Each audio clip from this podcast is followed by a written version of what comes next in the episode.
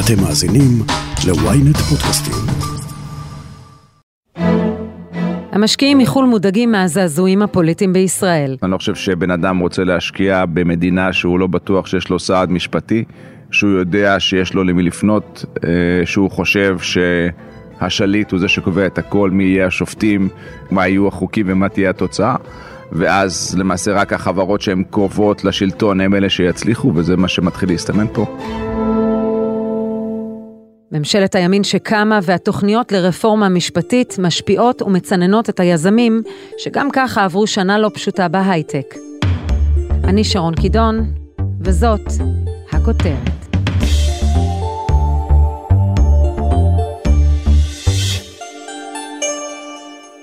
שנת 2022 לא הייתה שנה טובה להייטק הישראלי. המשבר הכלכלי בעולם השפיע על סבבי הגיוסים וההשקעות. על פי דוח של סטארט-אפ ניישן סנטרל, סך ההשקעות ירד בכמעט חצי לעומת השנה שעברה. תוסיפו למשבר גם את השינויים הפוליטיים בישראל שהביאו לדריכות בקרב משקיעים בינלאומיים, ותקבלו תמונה מדאיגה. סופי שולמן, פרשנית ההייטק של כלכליסט, שומעת את היזמים כבר מרגישים בשטח את הדאגה מהשינויים הפוליטיים. צריך להבין, כל הפריחה של ההייטק בשנים האחרונות, 80 אחוז מהכסף הוא לא כסף ישראלי, הוא כסף שמגיע ברובו מארצות הברית וחלקו מאירופה. הכסף הזה פתאום עכשיו שם את ישראל על הולד. כפי שאומר לי היום אחד המשקיעים, בהתחלה פחות ישקיעו פה, אחר כך אה, סטארט-אפיסטים יחשבו פעמיים, האם בכלל להקים את הסטארט-אפ שלהם בישראל, או אולי במדינה שהמשטר בה יותר ודאי, יותר ידידותי, כי הרי מה הפחד הגדול ביותר? שבתי המשפט לא יוכלו לבוא לעזרת אנשי עסקים, המשקיעים, אם הם נקלעים לאיזשהו סכסוך, אז בעצם לא ניתן לדעת כיצד יפסוק בית המשפט במקרה של סכסוך עסקי, ולכן יעדיפו ללכת למקומות אחרים. ברגע שסטארט-אפים לא יוקמו כאן, בישראל, אז גם העובדים אה, לא ירצו להישאר פה, אז תהיה גם איזושהי בריחת מוחות. יש פה התכנות של, אה, שכבר נרמזה, יותר מנרמזה, מסוכנויות אה, דירוג האשראי, כמו S&P, שאם הרפורמות יתממשו, אז הם גם יכולים להוריד את הדירוג, וזה כמובן יאיץ את התהליך הזה. ובסוף, כמו שאומרים, במשטרים לא דמוקרטיים, הכלכלה לא משגשגת.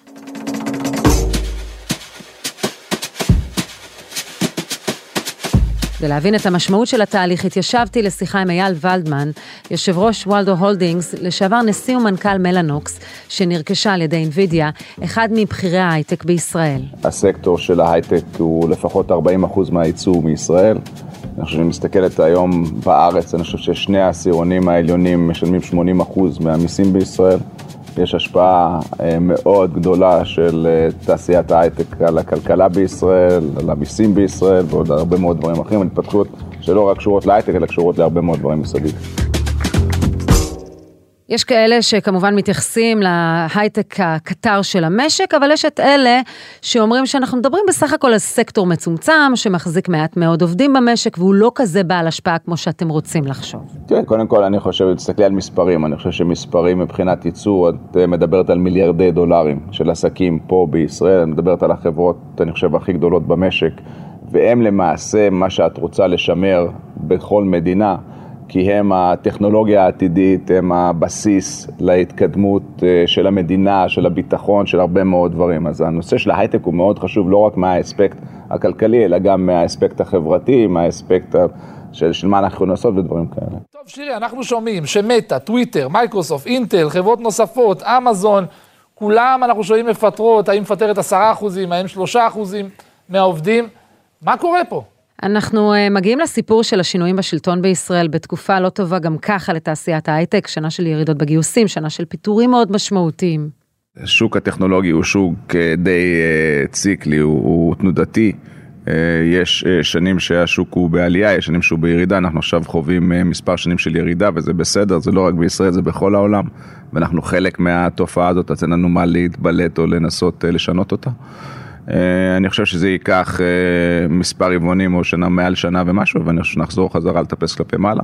אני לא חושב שהשווים יגיעו למה שהם היו לפני שנה, אבל זה ייקח אה, הרבה שנים, סדר גודל של, אני יודע, שמונה, עשר שנים. אבל זה נושא אחר. אני חושב הטכנולוגיה או הסקטור הטכנולוגי בישראל חייב להמשיך להיות חזק, חייב לגדול, חייב להביא עוד אנשים, להעסיק עוד אנשים, והממשלה חייבת לדאוג שהוא לא ייפגע. זה יהיה פגיעה מאוד משמעותית בכלכלה הישראלית אם ההייטק ייפגע.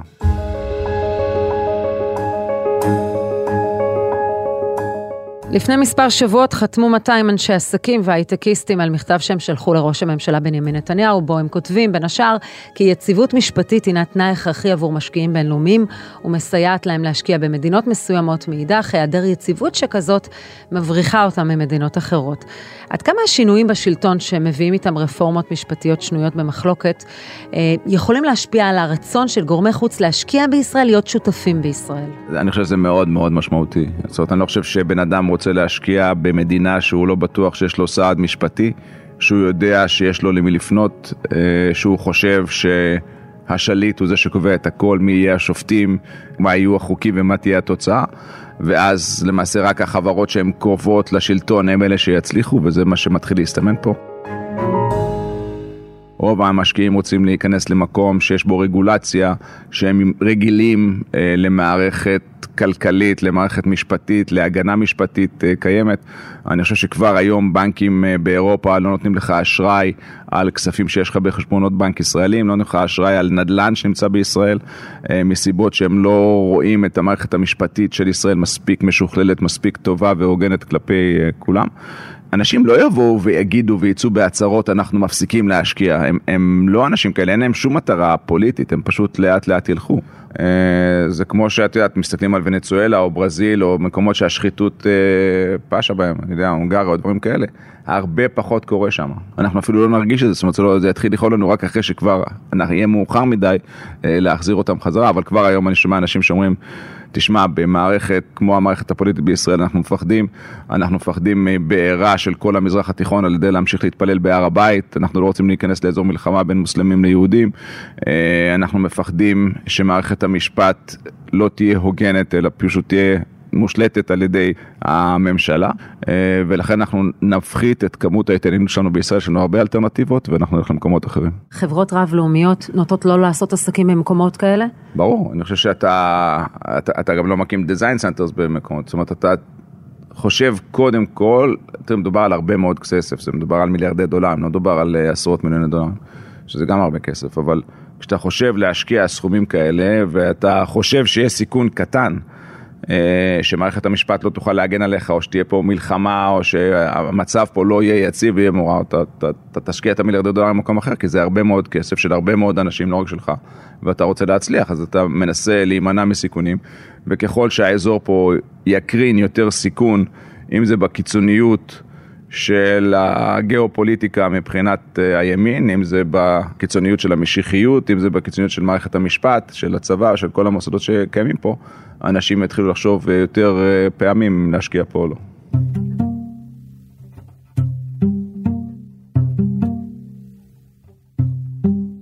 למה כל כך מעט אנשי עסקים והייטק, אה, שאולי חלקם חתומים על המכתב, פוחדים לדבר? תראי, קודם כל אני חושב שהם מנכ"לים שכרגע באמת מנהלים בפועל, אה, אני לא חושב שכרגע זה התפקיד שלהם לדבר, אני חושב שהתפקיד שלהם זה לעשות וזה. אני חושב שאנשים מתחתיהם יכולים לעשות דברים אחרים.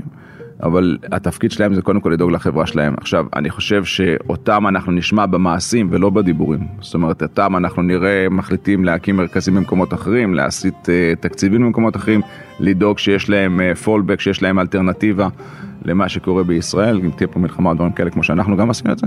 אז אני לא חושב שהם ידברו, אני חושב שהם יעשו, אבל אני חושב שהם יעשו דברים שלאט לאט אנחנו נרגיש שיכאבו לנו.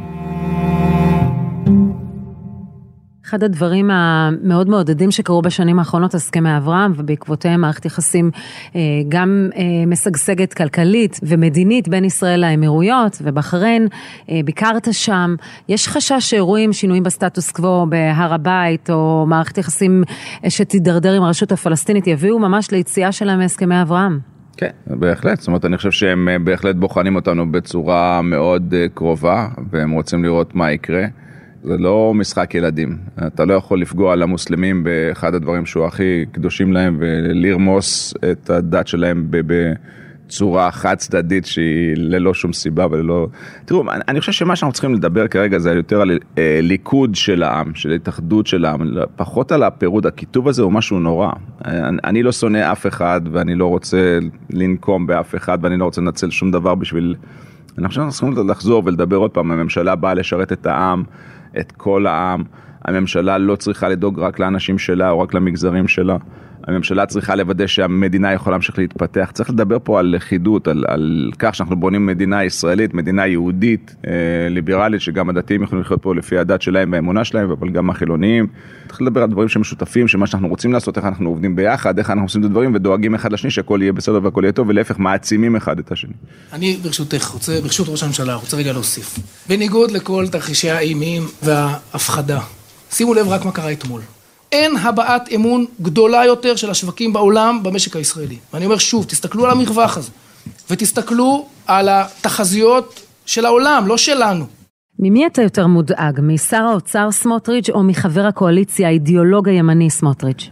אני חושב שמבחינת uh, שר האוצר uh, לסמוטריץ' יש עקרונות נכונים ואני חושב שאני מסכים עם חלק מהעמדות שלו, לפחות מה שהוא הצהיר, אני מקווה שהוא גם יעשה את הדברים בפועל. אני חושב שצריכים להצעיד את המשק למצב שאין בו מונופולים, למצב שהשוק הוא מאוד פתוח ובאמת לעשות את השוק הרבה יותר, לדעתי קפיטליסטי, הרבה יותר מוצלח. אה, מבחינת האידיאולוגיה, אני חושב שיש לנו בעיה עם האידיאולוגיה של סמוטריץ', אני חושב שהוא בן אדם מאוד חכם, אני חושב שהוא מאוד מניפולטיבי, ראינו את מה שהוא אמר מאחורי הקלעים לגבי ההומואים אה, והמזרחיים, ולעומת מה שהוא אומר אה, כשהוא מתראיין. אז אני חושב שצריך להיזהר מאנשים כאלה שיש להם אידיאולוגיה מאוד בסיסית, ומצד אחד הם אומרים משהו אחד ואחר כך עושים משהו אחר, אני לא... צריך לקחת אנשים שמאוד קוהרנטיים, שמה שהם דואגים זה לא רק למגזר אחד, לא רק למגדר אחד, דואגים באמת לכולם.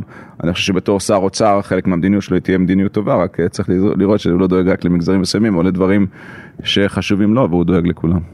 Uh, at a critical juncture for both of our countries on a, a major set of security issues, it's important that we sit together and develop a common strategy, a common outlook, and find a way forward that fundamentally secures your country's interests and mine. And we believe those interests, like the values upon which our countries are built, are deeply shared and deeply felt. אנחנו רואים שהממשל האמריקני שולח נציגים, בלינקן וסליבן שהם מבקרים בארץ. אנחנו צריכים לקחת בחשבון את ההשפעה של האמריקאים על המשק הישראלי? קודם כל אני חושב שהממשל באמת דואג לישראל, אני חושב שהם עושים את זה לא מכל סיבה אחרת חוץ מאשר קרבה ודאגה לישראל ולמצב הגיאופוליטי שלנו פה. זאת אומרת, זה בא ממקום טוב לדעתי. אה, והם רוצים אה, להגיד, אני חושב לממשלה החדשה, תראו, לנו אכפת ממה שקורה בישראל, אנחנו חושבים שכדי שתהיו חלק מהעולם או המערבי או מהבני ברית שלנו, אתם צריכים לעמוד במספר סטנדרטים, לא יכול להיות שבני ברית שלנו זה תהיה מדינה שהיא טוטליטרית, שהיא הופכת להיות מדמוקרטיה לדיקטטורה, אתם הדמוקרטיה היחידה במזרח התיכון, אנחנו צריכים לשמר אתכם ככזאת. אנחנו צריכים להקשיב טוב מאוד לאמריקאים, היום הם המעצמה היחידה שיש בעולם, רוסיה הלכה, סין הלכה, עם אה, קרוב למיליארד חולי קורונה. כדאי לנו מאוד אה, שהמעצמה הזאת תעבוד איתנו קרוב, אכפת להם מאיתנו ואנחנו רוצים אה, להיות דומים להם מבחינת דמוקרטיה ומבחינת הרבה מאוד דברים. לא צריכים לאמץ את כל מה שקורה בארצות הברית, אבל אנחנו צריכים להיות דמוקרטיה מאוד משוקללת פה במזרח התיכון. אי אפשר uh, לחשוד בנתניהו שהוא איש שלא מבין כלכלה, מבין היטב כלכלה, גם שר אוצר, uh, לא רק שהוא היה בזמנו בתפקיד הזה. אולי אתה צריך לנסח איזשהו מסר שהוא יבין אותו שהנושא גם של הלכידות החברתית וגם הנושא של צעדים קיצוניים בעצם הם עלולים להשפיע משמעותית על המשק הישראלי ועל הקטר שמושך את המשק. אולי אני חושב שנתניהו יודע אה, ונפגש עם אנשים אה, מאוד משפיעים ברחבי העולם, שמצב גיאופוליטי יכול להשפיע בצורה מאוד משמעותית ומאוד מהירה, דרך אגב, על החלטות עסקיות. בסופו של דבר זה בן אדם אחד מחליט אם להשקיע או לא להשקיע. וכשבן אדם הזה מקבל ברכיים אה, קרות או רגליים קרות ומחליט, אוקיי, אני לוקח למקום אחר בגלל שאני לא רוצה לקחת את הסיכון, וחבל שזה יהיה מאוחר מדי, ואני חושב שצריך למנוע את המצב שבו אנחנו נצטער. על זה שלא שמנו את הברקסים ואת המקומות הנכונים שלא רוצים לגעת בהם, שלא רוצים לפגוע בכל המערכת המשפטית, הביטחונית וכל מה שמסביב לנו. וכדאי להתחיל לפעול היום ולא לחכות עם זה. אייל ולדמן, תודה רבה לך על השיחה. תודה.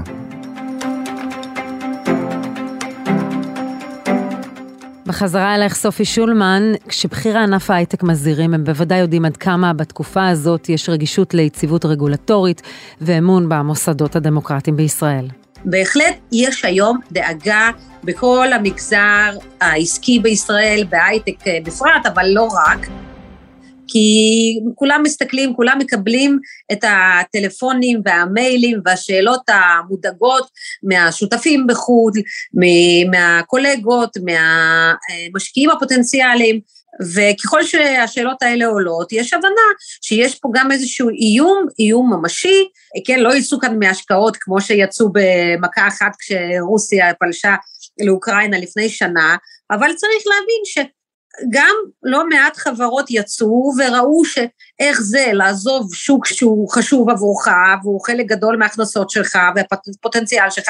ובמחיר אמיתי כלכלי אתה נלחם על העקרונות שלך, על האידיאולוגיה, היום ראינו כבר שזה יכול לקרות, יש גם את כל הנושא של השקעות אה, לפי עקרונות ESG, כן, אה, עמידה בסטנדרטים מסוימים של אה, חברה, ממשל תאגידי, התחשבות בסביבה, כל זה גם מאוד מאוד חשוב, וברגע שיש את השינויים האלה שהיום מסתמנים בישראל, אנחנו בעצם גם לא מותאמים יותר כהשקעה שתואמת עקרונות ESG, וזה מדאיג היום את כל המגזר העסקי, גם מי שמוכן להתבטא ולא חושש, וגם אלה שבינתיים עוד מתחבאים ולא אומרים את זה בצורה מפורשת, הם מאוד מודאגים. סופי שולמן, תודה. תודה רבה לכם. ועד כאן הכותרת להפעם, אתם מוזמנים לעקוב אחרינו בוויינט רדיו, באפליקציה, בנייד וגם ברכב, או איפה שאתם שומעים את הפודקאסטים שלכם. אם זה קורה באפל או בספוטיפיי, אתם מוזמנים גם לדרג אותנו ולהאזין לפרק נוסף שלנו. חפשו את הפרק פרשת המסמכים המסווגים של ביידן. עורך הפודקאסטים רון טוביה, איתי בצוות הכותרת ישי שנרב ויואב רבינוביץ', תחקיר, הפקה ועריכה אלי שמעוני וגיא סלם. אני שרון קידון, ניפגש בפעם הבאה.